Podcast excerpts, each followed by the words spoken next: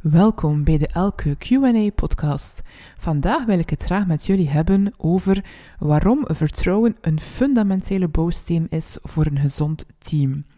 Waarom neem ik graag deze podcast op? Ik merk uit de praktijk dat eigenlijk vertrouwen in teams nog steeds vaak een moeilijke is.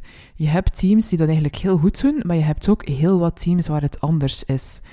Ik spreek ook een beetje vanuit mijn eigen ervaring. Ik heb, uh, ik heb zelf ook uh, ooit eens te horen gekregen van iemand die zei, um, waarmee ik samenwerkte, van ja, ik vertrouw je niet volledig. En dat gaf bij mij eigenlijk als gevolg van, oké, dat ik mij ook ging gaan in, inhouden. Um, ik voelde dat haar fijn aan dat die persoon mij niet volledig vertrouwde. En dat zorgde ervoor dat ik niet helemaal mezelf kon zijn. En dat ik ook ja, de dingen anders deed dan dat ik eigenlijk normaal zou doen. Wanneer ik samenwerk in een team waar ik echt vertrouwen voel, dan kan ik ook echt helemaal mezelf zijn. Kan ik echt de dingen doen zoals ik uh, ze graag wil doen. Durf ik ook zaken op tafel brengen, omdat ik weet van oké, het is hier veilig, er is een veilige omgeving waar ik dingen mag zeggen. Ook al worden ze misschien dan door het team niet goedgekeurd. Dat, dat hoeft zeker niet altijd natuurlijk. Maar ik durf de dingen op tafel brengen. Dingen kunnen bespreekbaar gemaakt worden. Uh, we kunnen gezonde gesprekken met elkaar hebben. Ik wou niet het woord conflicten gebruiken, maar um, er is een groot verschil tussen gezonde conflicten en ongezonde conflicten. Um, en om even dieper in te zoomen op dat vertrouwen en waarom dat eigenlijk iets is die, ja, die fundamenteel is, dat niet mag ontbreken in een team, anders heeft al de rest geen zin, gebruik ik graag het model van uh, Patrick Lencioni. Uh, Patrick Lencioni is uh, de founder van de Table Group. En dat is een organisatie die um, andere bedrijven en teams ondersteunen om gezond te blijven. En hij heeft uh, heel wat boeken geschreven, waaronder um, de vijf frustraties van teamwork. En een van zijn bekende quotes is: Teamwork will be the ultimate competitive advantage of the future. En daar geloof ik ook heel erg in. We werken um, in een hybride wereld, we werken in een virtuele wereld, we werken in een fysieke wereld. En de projecten die we doen zijn alsmaar complexer. En vaak doe je die uiteraard niet meer alleen. Dus je werkt heel vaak samen met een team. En uh, om dus ja, die projecten tot een succesvol eind te brengen, is het echt belangrijk dat er gewerkt wordt aan gezonde teams. Patrick Lencioni die zegt ook van, er zijn eigenlijk maar twee soorten teams. Er zijn slimme teams en er zijn gezonde teams. En wat bedoelt hij daarmee? Dus met slimme teams bedoelt hij van teams die eigenlijk ja, heel erg bezig zijn vanuit hun expertise, die in een bepaald domein of in meerdere domeinen enorm slim zijn, in operations, in finance, in, in digital transformation uh, bijvoorbeeld. Um, dus die echt ja, vanuit kennis, expertise gericht met elkaar gaan samenwerken. En daarnaast heb je ook gezonde teams. Wat zijn gezonde teams? Die zijn uiteraard ook goed in het domein waar dat ze expertise voor nodig hebben, maar die zijn er zich van bewust dat ze bovenop die expertise ook moeten gaan werken aan de, de connectie in dat team, aan de, aan de samenwerking tussen de mensen in het team. En die zijn zich bewust dat het superbelangrijk is dat, ze werken aan een gezond team. Uh, teams die eigenlijk, waarvan dat de teamleden beter aan elkaar hangen, die hebben eigenlijk een echte voorsprong op andere teams. En het model van Patrick Lencioni, dat is eigenlijk een soort van piramide met een aantal lagen.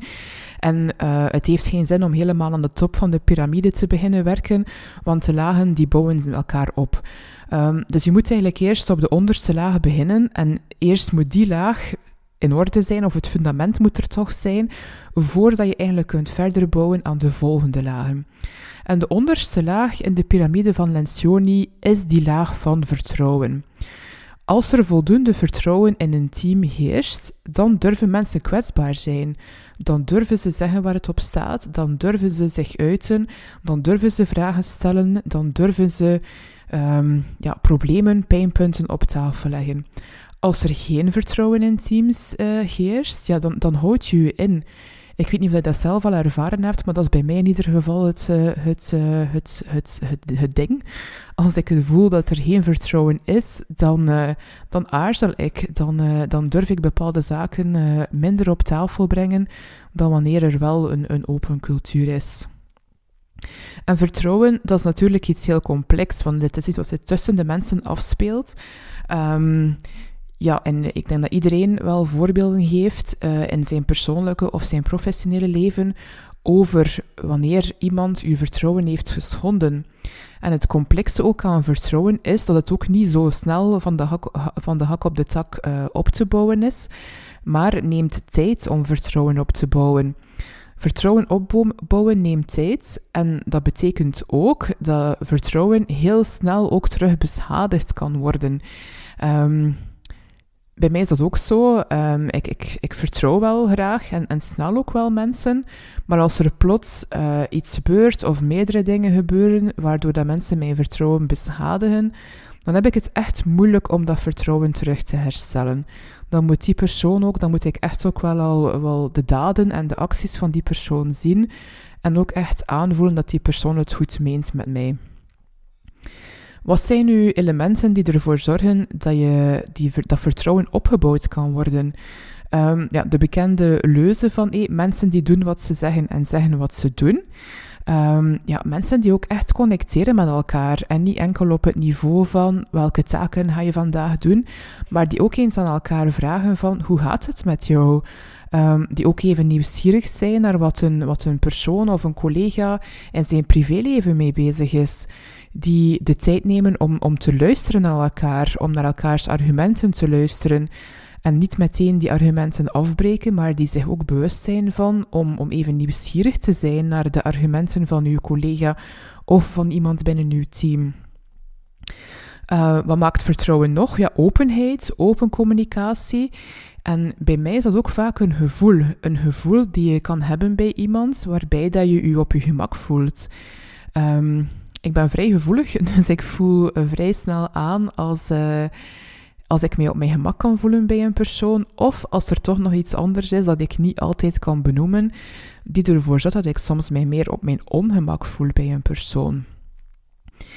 Um, we gaan naar een wereld waarbij dat we ook een stuk virtueel gaan werken. In die virtuele wereld is vertrouwen in een team nog belangrijker je ziet elkaar niet altijd, je bent niet in mekaars nabijheid, maar zelfs op afstand kan je voelen als er geen vertrouwen in een team is. En dat geeft een nefast effect op de werking van dat team en op de realisaties, op de projecten die binnen dat team gerealiseerd worden.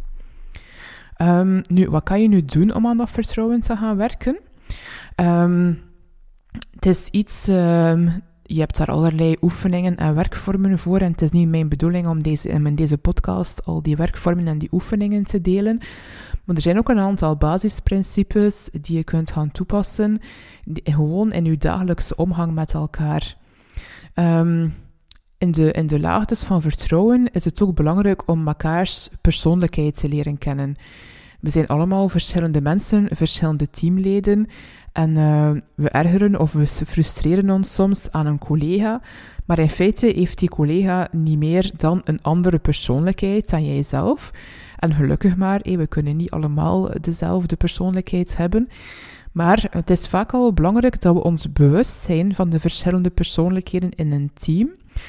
En dat we ook weten hoe dat we met elkaar kunnen communiceren en wat dat iemand met een bepaalde persoonlijkheid, welke communicatiestijl dat die persoon heeft.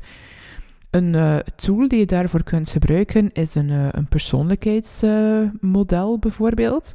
Ik zelf werk heel graag met het Lumina Spark model, waarbij je um, in een team kunt gaan kijken van hey, uh, wie is er eerder mensgericht, wie is er eerder resultaatgericht, wie is er eerder um, introverter, uh, wie heeft er meer discipline. En op die manier ga je je bewust worden van dat niet iedereen hetzelfde is. Ik heb het ook soms meegemaakt in de praktijk dat iemand met een totaal andere persoonlijkheid dan mijzelf, dat die eigenlijk verwachtte dat ik werd zoals die persoon. Maar dat is heel moeilijk natuurlijk als dat niet in uw eigen persoonlijkheid zit. Wat dat in de plaats kunt doen is, als je in een team mensen hebt met een verschillende persoonlijkheid, dat je je daar bewust van bent en dat je weet van, hé, we kunnen elkaar aanvullen, we kunnen elkaar versterken. En afhankelijk van de situatie waarin dat je zit, dan kan eerder jijzelf als persoon ingezet worden, Of uw collega kan ingezet worden naar gelang de situatie of de persoonlijkheid die nodig is om een bepaalde stap in het project te zetten. Um, maak ook de tijd om met elkaar te connecteren en bekijk ook eens van hey, wat hebben we wel al in ons team? Welke elementen, welke zaken zijn er in ons team die erop wijzen dat er toch al een basisvertrouwen is en hoe kunnen we daarop verder bouwen? Creëer ook een cultuur waarin dat je elkaar echt helpt, waarin dat je niet wijst naar de ander als er iets fout loopt, um, maar waarbij dat je ook weet van fouten maken mag, uh, je mag vragen stellen, je mag je mag het ook niet weten. Um, het is complex, het is een complexe wereld. Dus je, niet, je kunt niet meer altijd met alle antwoorden uh, aankomen. U kwetsbaar opstellen en aan uw collega's ook uh, aangeven van ik weet het niet, ik heb geen antwoord op dit probleem of ik zie even de volgende stap niet meer of ik zie even door de bomen het bos niet meer. Dat kunnen zeggen en uw collega's die er dan voor jou zijn en die dan samen met jou gaan kijken van hoe kunnen we nu samen hier een stap verder inzetten, dat is superkrachtig en dat zorgt er ook voor dat mensen zich gaan durven openen als er echt iets is. Als er geen vertrouwen is, dan gaan mensen niet durven zeggen dat ze het niet weten.